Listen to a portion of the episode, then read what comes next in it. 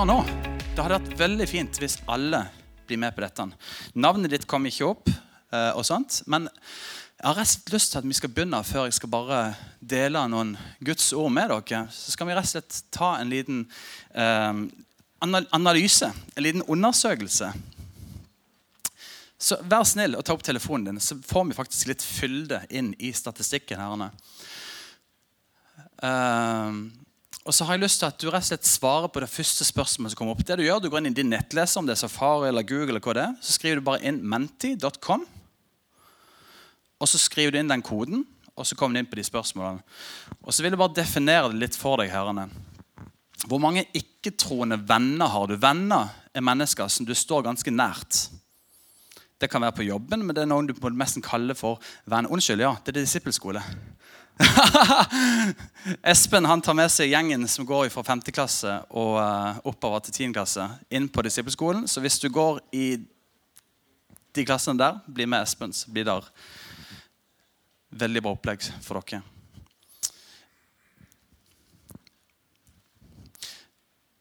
Hvor mange ikke-troende venner har du? Og Det er mennesker som du møter på regelmessig, som du kanskje henger med, som du investerer i, som du bruker tid sammen med. Dette er en god venn, og han tror ikke. Eller hun tror ikke.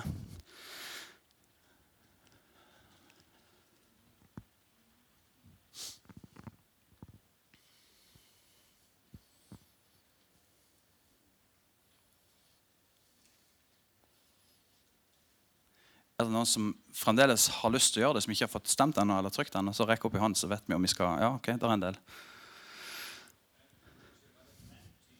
Det står på toppen. menti.com. Menti. Mm.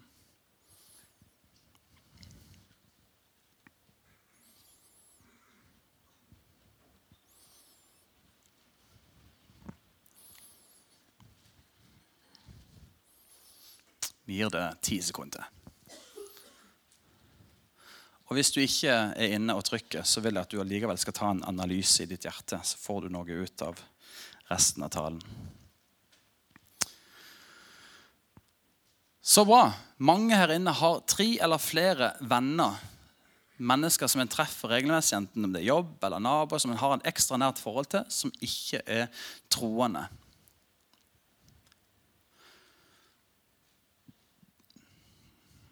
Når jeg tenkte på det her spørsmålet, så må jeg ærlig si at jeg nære venner hm, Jeg vet ikke om jeg har så mange som ikke er troende. skal være helt ærlig.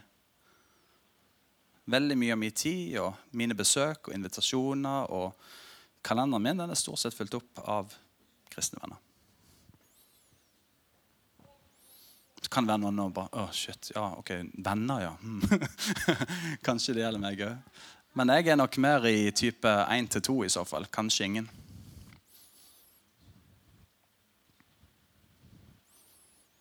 Ok, skal vi ta neste slide? Nå har det stoppet opp. Så får dere et nytt spørsmål.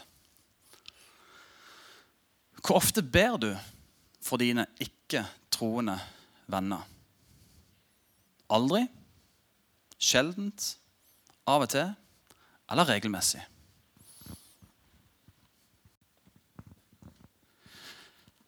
Så bra. Er det ikke litt interessant å reflektere over de her spørsmålene?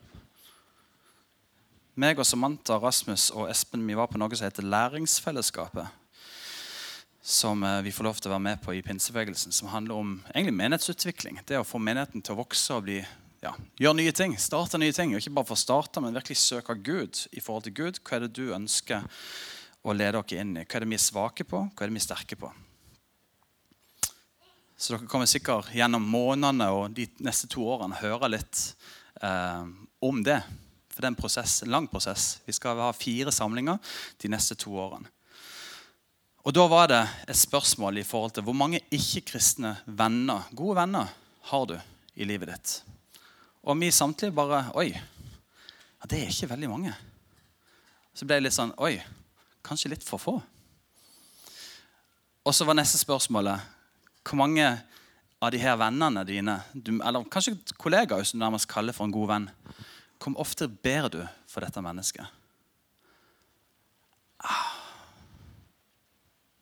Aldri eller sjelden, sjelden kanskje. Sjeldent. Hvis jeg kommer på det. Litt sånn tilfeldig. Ja, nå har de vanskelig. Da må vi be litt for dem.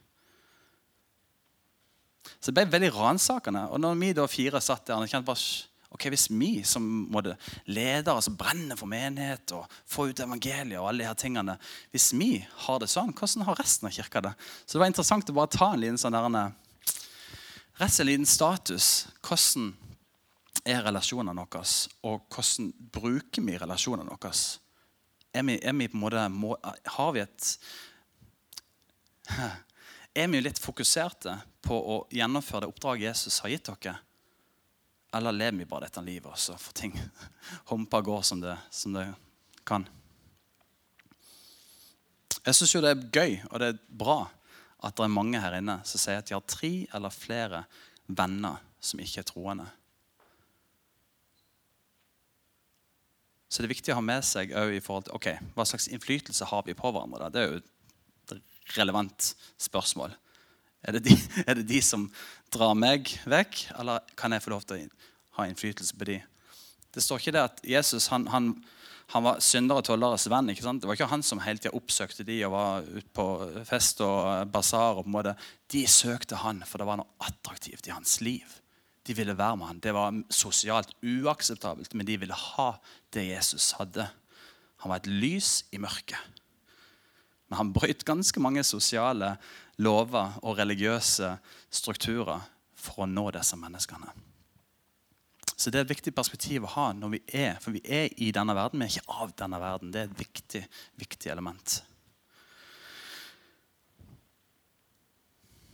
Hva slags bilde har du? Daniel, får du opp den, eh, det bildet? I prosjektor, tror jeg. Hva slags bilde har du av uh, dette å se mennesker komme til tro. For det er det som skal være litt fokuset de neste søndagene. Bro til tro. Det å bygge bro, eller det å være ei bro til tro. For Skal vi være litt ærlige, så vil jeg påstå og si at, at av og til kan det være litt avstand mellom denne verden, denne, disse menneskene som vi treffer på hver dag, og et trosliv som pulserer og meg og deg, vi er denne broa. Meg og deg er linken. Vi er den connection. Vi er, vi er på en måte mellommannen mellom den gode vennen din og troslivet de en dag kanskje får. Eller som de får i Jesu navn. Vi kan tro nok I lille Flekkefjord, i Pinsekirka, så tror jeg nok vi lett kan ha et bilde av at For at mennesker skal bli frelst, så skal de komme inn herrene, og så skal de gi sitt liv til Jesus. Det er iallfall en ganske sånn generell, vanlig tankegang. Vi må få dem på møte. Absolutt, det funker veldig bra. Det kan være veldig, veldig, uh, flott, det. Men den mest effektive måten å se mennesker komme til tro på, det er gjennom relasjoner. Ikke få dem på en eller annen happening. Ikke få det inn på et eller annet bønnemøte eller søndagsmøte. eller et eller annet. Det funker av og til. Bra, det. Men relasjoner er nøkkelen til at mennesker kommer til tro. De aller fleste her inne Jeg syns det var nydelig å høre Sue forrige søndag talte om og viste til en statistikk om at mennesker i dag som er aktive troende, har enten vokst opp i et eh, kristent hjem og fått inn med morsmelka, og så har de vokst til tro og fått et levende liv i dag. Enten det, eller så den andre delen at de har vokst opp i et kristent hjem, fått det med seg, falt ifra, og på et eller annet, tidspunkt kom tilbake igjen til tro. Det er veldig, veldig få mennesker som ikke har hørt om Jesus, ikke vokst opp med det, som en eller annen gang i løpet av livet sitt bare bom får et møte, ei bro til tro og en overgang til et nytt liv med Jesus. Få mennesker. De aller fleste er vokst opp med det på en eller annen måte. Og da tenker jeg litt sånn, Hvordan i all verden kan vi og Hun stilte jo det spørsmålet. Hvordan kan vi få ut de gode nyhetene om Jesus til mennesker som ikke tror? Det er jo superaktuelt. Altså De som kommer i kirka, det er jo litt sånn, det er litt gratis på en måte. Det handler jo bare om å være et godt medmenneske, være en god mor og far, være en god søsken. Være god mot hverandre. Men mennesker som ikke har hørt, om Jesus. Hvordan i all verden kan vi få presentert Jesus til de? Og når vi ser da hvordan Jesus opererte, hvordan han gikk rundt, så så det med en gang at der han virkelig fikk lov til å være med og forandre liv, det var gjennom relasjoner. Han møtte den ene. Og litt sånn ironisk nok, Han samler masse mennesker, tusenvis av mennesker. Så begynner han å snakke om ja, dere må spise kroppen min og drikke blodet mitt. Så stikker alle. ikke sant? For det her er jo helt crazy. Akkurat som Jesus nesten bare Nei, jeg vil ikke ha så mye folk. Slapp av, det går helt bra. Jeg vil ha de som virkelig vil følge meg. Ikke så opptatt av alle likesene og kliksene og followers. Det, det er tynt. Tynn suppe. Så han møtte heller Nikodemus midt på natta for å snakke om at du må bli født på ny fariseeren som lurte på er du virkelig Messias. Jeg har lyst til å treffe deg. Jeg, jeg kan ikke gjøre det på dagtid. Jeg tør, jeg tør, ikke gjøre det på dagtid. Du er en, du er en uh, kontroversiell person, for å si det mildt, i mine kretser. Møt meg på natta. Og Jesus strekker seg. Kom, vi møtes. Han møter denne dama med brønna. Midt på dagen, ingen mennesker er ute. Det er ikke da de går og henter vann. Da går hun og henter vann, for ingen kan se henne, for alle vet hvem hun er. Ryktet hennes er mildt sagt elendig. Jeg har vært borti den ene og den andre, og det er bare kaos. Og Jesus møter henne, og et liv blir forvandla. Jesus han kaller på disipler. Han møter Andreas, en av de første disiplene. Andreas han var hvis jeg ikke husker feil, så var han allerede en etterfølger, en fan av Johannes døperen. Og når Johannes så peker på Jesus, så bare Andreas han er med. det skal ikke vanskelig, vanskelig å be meg. Han er med. Hvem var det Andreas fikk med seg? Hvem var det Andreas fikk med seg? Peter. Peter har alle hørt om. Sinnataggen som blir menighetsleder, og han som fornekter Jesus. og han, han står det mye skrevet om, på godt og vondt. Andreas hører ikke mye så veldig mye om, men det var Andreas som presenterte Peter for Jesus. Andreas ble broa til tro for Peter. Nei, ja, for Peter. Og jeg tror Vi, vi kan ofte legge på det her evangelistiske det her å få mennesker frelst ansvaret over på pastoren, og lederskapet og kirka. Og, altså gudstjenesten. ja, det er ikke så bra musikk, så det er ikke rart ikke folk vil komme. Eller han vet ikke hva han snakker om, han pastoren. Jeg kan det mye bedre. Vil du ta opp det bildet med den borga, Daniel? Jeg veldig, jeg likte det veldig godt. Et eksempel. Den andre borga. Um, litt det her med at, at, Guds rike, det å være en kristen, kan fort bli litt sånn her at uh, da er det inne i det slottet her, i Guds rike det foregår. Enten så er du med å tjene på hoffet, eller så er du en eller annen spillopp, eller så er du en munnskjenk, eller så er du en slakter, eller så er du en soldat, eller spiller på trompet, eller så er du kanskje kongen sjøl. Altså, livet i Guds rike, det å være en kristen, det foregår innenfor de rammene der. Innenfor de dørene der det er trygt og godt. Her er det bra. Der er Guds ånd, og der skjer ting, og helbredelse, og come on, power, liksom. Men det skjer inn i det rike herren. Og vi er veldig veldig opptatt av at når vi ser et lederpotensial, så oi, ja, han må fram og han må fram og tale. Kanskje kommende pastor, liksom. Eller oi, der er det sangstjerne. Kanskje hun kan eh, begynne å ta lovsang om et par år. Vi begynner å trene opp til å lede lovsang. liksom. Og alt er så kirkefokusert at er det noe gull iblant dere, så skal det inn i ledende posisjoner. Er det noe kreativitet, så skal det opp på plattformen. Alt er fint. Det er bra. Det er bra, flott. Men vi, vi, blir så innadvendte og så navlebeskuende og så selvsentrerte og så Ja, dere skjønner tegninga. Det, det, det, er ikke feil, men det er ikke 100% sannhet heller. Hvis du går på det andre bildet, For Guds rike handler ikke bare om den himla borga i Oslo. Hvis vi tenker langt langt tilbake, liksom, vi ser Oslofjorden der. og sånt. Men Guds rike handler jo om kongeriket rundt borga. Og da snakker vi om denne jorda, for å si det rett ut. Guds rike er nært. Ja, Vi vet at djevelen det er han som regjerer. Han, han regjerer fremdeles litt, og han herser mye. Men vi som kristne har fått Guds rike i oss. og Vi skal rundt og tenne lys rundt i denne verden. Og da er det sånn at yes, søndag det, jeg, jeg, det er mitt mantra, hvis det er lov å si. Søndag er kirkedag. Søndag da er jeg hjemme i menigheten min. Da treffer familien min, da blir jeg inspirert og lovsynger Gud. Da blir jeg oppmuntra, da blir jeg satt i brann. Da treffer jeg mine medsøsken. Jeg kan løfte, løfte opp mennesker og oppmuntre mennesker. Kan, vi kan bære hverandres byrder. Vi kan oppdatere hva har skjedd liksom den siste uka. Oh, ok, Har du det vanskelig? Vet du hva? Vi møtes neste, neste uke og så tar vi kaffe sammen. Vi inviterer noen på middag. Guds rike i form av at vi kommer sammen på gudstjenestene, er kjempeviktig og så bibelsk og så bra og så rett.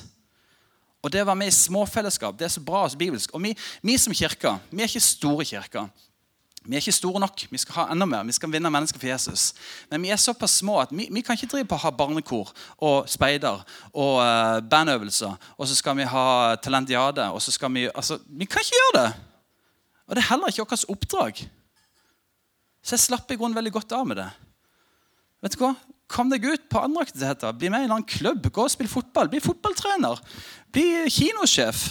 Altså, gjør et eller annet. Bli politiker. Ta deg utdannelse. Bli sjef i Equinor om du vil. Gjør alle de tingene, og så kommer du heller hjem på søndag og lovpriser Gud og tilber Han. Og så skulle det stått et svært skilt før han gikk ut av bedehuset. Nå begynner gudstjenesten. For det du går ut av disse dørene, det er da gudstjenesten virkelig starter. For da går vi ut av den lille, bitte lille bobla av ei borg som er sånn sett veldig flott og fin. Og så er det noen som er helt på andre sida av byen og tjener med sine gaver. derene. Så er det noen som er politikere, som er med og, og på samme måte som Daniel i, i Babylon, som er med og skriver om lover som ærer Gud, som er til godt for mennesker. Så har vi mennesker som er musikere. Ja, Flott at de er med og bidrar her, men vet du hva? gå heller ut på den puben og syng ut evangeliet inn i hjertet, hjertet til mennesker. og Vi forandrer mennesker med et kyss fra himmelen. Så er det noen mennesker som skal være med og tjene. De har nådegaven å tjene. Det er ikke bare noen som alle har, sånn som forteller, men noen som virkelig bare er fantastiske tjenere. De har et tjenersinn. De bare elsker å gjøre godt for andre mennesker. Det er noen som har evangeliske, altså evangelistiske gaver, som bare er hakket mer utrusta til å forkynne ut evangeliet enn folk flest. Alle skal vi dele evangeliet om Jesus yes, i våre relasjoner, men noen bare, de skal rett stå på byen og bare finne noen som trenger Jesus. I større grad enn kanskje andre. Vi har forskjellige nådegaver, og de skal ikke proppes inn i Guds rus på søndag og mandag og tirsdag onsdag torsdag og fredag og lørdag og søndagen og mandag tirsdag. Nei! Vi skal ut! Å bygge bro til tro. Hvis ikke du har tid til å ha ikke-kristne mennesker i dine nære relasjoner som ikke drar deg ut i verden, men som du kan gi av Guds rike, av håp, av tro, be for dem, vitne for dem, invitere dem, være der når livet raser sammen, applaudere dem når de lykkes Hvis ikke vi har tid til det, så har vi i grunnen ikke tid til å gjøre det Jesus har kalt dere til å gjøre. Så vi kommer sammen på gudstjenesten på søndagene for å gjøre det som vi er kalt til å gjøre. Tilbe Han og takke Han og innstille på Han og bli undervist og korrigert. Og så går vi sammen ut i våre oppgaver og tjenester og vinner denne verden, Flekkefjord, for Jesus. Det er det vi er kalt til å gjøre. Er dere enige? Ja, Så bra. Så du er på arbeidsplassen din, så må du tenke yes, nå er jeg en prest for Jesus. Så velsigner du hun som du kjenner bare, hun er på vei. ikke sant? Her er det potensial til et eller annet nysgjerrighet av Jesus. Så velsigner du henne. Inviterer de på middag. Vær frimodig. Altså Mennesker er så, de lengter så etter et svar oppi dette kaoset. De lengter så etter et håp. De lengter så etter noe som fungerer. For ingenting i denne verden fungerer. Det er tomt, det er meningsløst. Det suger ut energien vår. Men Jesus han er svaret på alt. Jeg har lyst til å lese et uh, bibelvers fra andre Korinterbrev. Du må bare slå det opp i din bibel om du har den i lomma eller i bagen. eller hvor du bærer den henne. Andre Korinterbrevet i kapittel 5, vers 16-21. Og Da leser jeg fra Bibelen Guds ord, hverdagsbibelen. Den er litt sånn enklere oversatt. Og Da kan du ta opp den ambassadør sliden for meg. For det er akkurat det Jesus, nei, unnskyld, det er akkurat det Paulus forteller og lærer menneskene i Korint, menigheten i Korint. Da skal jeg lese, så kan du høre etter hva jeg sier. Og så kan du heller studere når du kommer hjem hvis du vil. Vi er blitt forvandlet etter at vi tok imot Kristus, og vi har fått en annen væremåte, en ny natur. Vi dømmer ikke lenger etter det ytre. Nei, for til og med Jesus ble også vurdert på menneskelig vis mens han levde på jorden. Men nå kjenner vi ham på en helt annen måte. Derfor er det slik at den som har tatt imot Kristus, er blitt et helt nytt menneske. Det gamle livet er borte, og noe nytt har begynt. Alt dette er Guds fortjeneste. Det var Gud som fikk i stand et forlik mellom seg og oss mennesker, slik at vi kunne få fred med Han. Det skjedde av Jesus. Og Vår oppgave er å formidle til menneskene at Gud ikke lenger til, tilregner menneskene deres synd. Men vi, meg og deg, vi må ut og fortelle verden på vegne av Kristus at menneskene nå kan komme til Gud. Gud selv ber oss inderlig om å spre budskapet om ham og be mennesker om å gjenoppta kontakten med Gud. For Jesus var ren og rettferdig og hadde aldri syndet da Gud lot ham, lot ham identifisere seg med oss, slik at han ble gjort til synd for oss. Derfor kan Gud i sin rettferdighet ta imot oss, fordi Gud ga oss sin rettferdighet. I de mer klassiske, mer teologisk rette oversettelsene så brukes ordet sendebud eller ambassadør. Her står det oversatt Vi må gå ut og fortelle verden på vegne av Kristus. Altså, Vi er kalt til å være ambassadører for Han. Hva er en ambassadør? Jau, heldigvis har jeg, jeg har definisjonen her. Da har jeg gått inn på Norges, Norges, regjering i forhold til hva er oppgavene til en ambassadør. Skal du høre, så må du tenke i overført betydning. Meg og deg som kristne. Vanlige arbeidsoppgaver for en ambassadør. Jeg kjente på, oi, dette var en jobb jeg kunne søkt på. Det var kjempespennende. Hør. Bistå nordmenn i utlandet ved f.eks. ulykker, sykdom, dødsfall eller straffeforfølging. Nummer to. Fremme Norges omdømme og norsk kultur. Altså En ambassadør er en som kommer fra Norge, som har reist til kanskje Sverige, men òg lenger vekk, og har på en måte sitt, sitt bo, da, tilværelse, i et annet land. Sånn som meg og deg. Vi er i denne verden, men vi er ikke av denne verden. Så fremme norsk omdømme og norsk kultur. Fremme norske næringslivinteresser.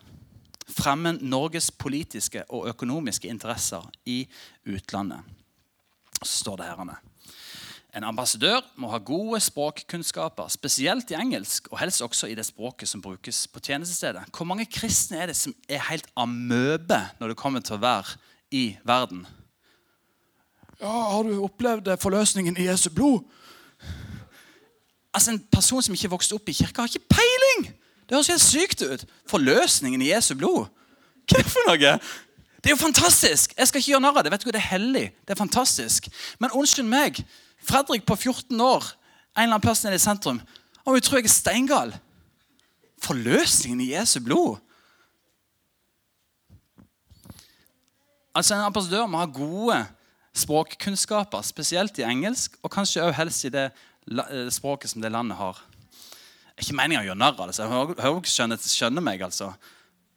Det, det min, det kalles kananspråk av og til. Det er helt fremmed for mennesker som ikke kjenner Jesus. Vi er nødt til å være relevante i språk, i interesser.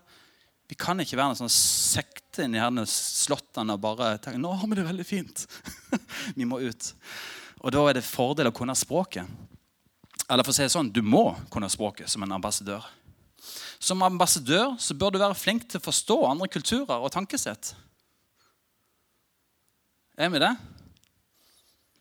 Du må ha svært god kunnskap om norsk og internasjonal politikk. Så du må ha god kunnskap om hvem er du i Kristus. Det er jo avgjørende, ellers så forsvinner du der ute. Blir du språkblind, og så begynner du bare Ja, nei, jeg skifter statsborgerskap, for det er bare himla greit der ute. Ikke sant? Kom an! Du må være forankra i norsk politikk, eller norsk identitet. Og så er vi i et annet land og fremmer Norges interesser inn i det landet. Det er ambassadøren. Du skal kunne språket. Og du skal eh, kunne forstå kulturen og tankesettet. Du må ha svært god kunnskap om norsk Og internasjonal politikk, ja, det sa jeg.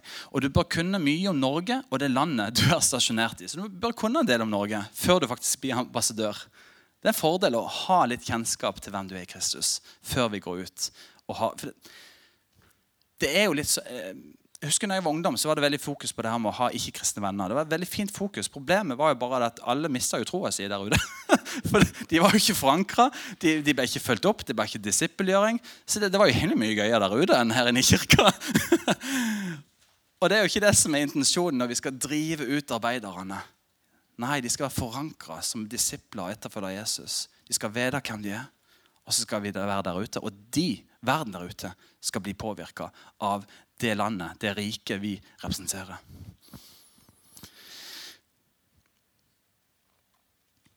Ja. det var gøy.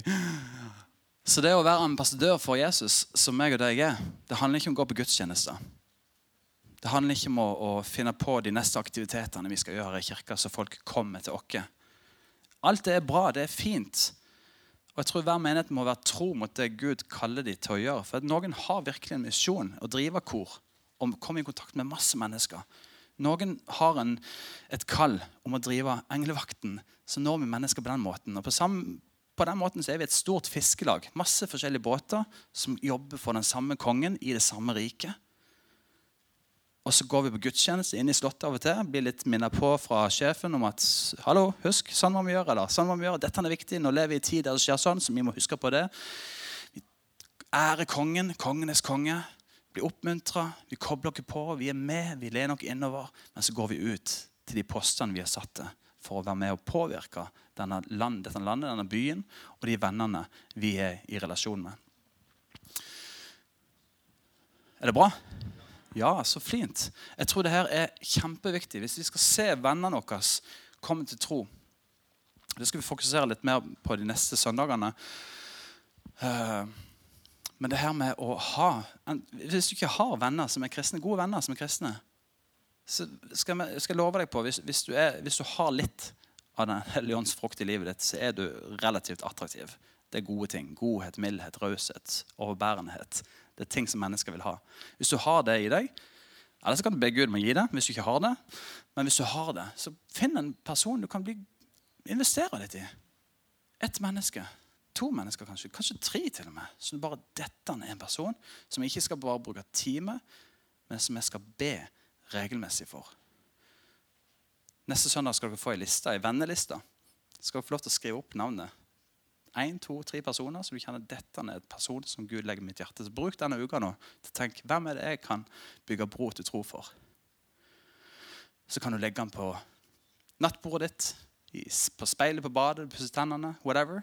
Og Bønnene folkens, trenger jo ikke være sånn en halvtime liksom, der du kommer inn og skal ha røkelse. Og, så, du kan gjøre det ganske enkelt. Gud, jeg bare ber for Thomas. liksom. Ber om at du, Gud, skal møte han. Hjelp meg til å være i bro til tro for det mennesket. Amen. Jeg trenger, ikke gjøre så mye mer enn det. Skal vi ikke gjøre det? Begynne å bygge tro. Bro til tro. For mennesker som du er satt i kontakt med. Enten om det er på arbeidsplassen din, i nabolaget ditt, på kafeen der du pleier å gå, eller Begynn å henge på en pub om du vil. Der er det masse folk som ikke tror. Gjør et eller annet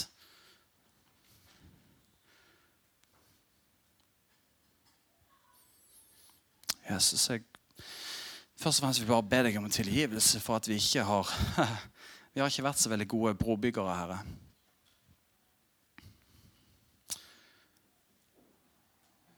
Så takker jeg deg, Jesus, for at du, eh, du har gitt dere alt det vi trenger. Takk for at vi har alle redskapene av deg, Herre. Du har gjort det ferdig. Vi kan gå i ferdiglagte gjerninger og begynne å bygge relasjoner der vi ser mennesker. Begynne å få et trosliv, Herre. Kom du, Hellige Ånd, og inspirer oss. Minn oss på mennesker denne uka som du kjenner bare, eller som du, Gud, vil at vi skal bare ta til oss. Som vi begynner å be for, som vi begynner å investere i. Som vi begynner å bli gode venner med, Herre. Og så ber om din beskyttelse òg, Gud. For våre tanker. Hvis det er spørsmål, hvis det skjer ting som vi kjenner er utfordrende for troslivet vårt, ber om din beskyttelse, Herre, for vårt tankeliv, vårt følelsesliv, Herre. Så vi kan være ute i verden, Herre, som dine ambassadører, trygt forankra i deg, Jesus. Med en frimodighet om et liv som er ja, det beste ever. Mm. Gud, vis oss veien videre, sånn at vi kan få lov til å bygge bro til tro, Herre Jesus. I ditt navn, Herre. Amen. Jeg håper dere ble oppmuntra og velsigna. Det var iallfall intensjonen. Um, vi, vi, avslutter med en sang, og i den anledning har jeg lyst til å bare invitere deg til, til forbønn. Hvis du at, først, først, og fremst hvis du kjenner at jeg må ta et standpunkt for Jesus. Jeg må få min, få, få min relasjon med han i orden. Jeg vil si ja, Jesus, jeg overgir meg til deg. Du er min konge. Jeg vil høre til ditt kongerike. Hvis det er deg, så har jeg lyst til, å be for deg og så har jeg lyst til å snakke med deg etterpå. Eh, eller hvis du bare kjenner at dette treffer meg, eller dette utfordrer meg, eller hvis du har andre bønnebehov, om det er sykdom eller hva som helst, ta oss og kom fram. Og så har jeg lyst til å be for deg og velsigne deg. Og eh, ja, ha virkelig tro for gjennombrudd i det du bærer på. Mm. Skal vi reise oss, og så avslutter vi med dette? Vi skal synge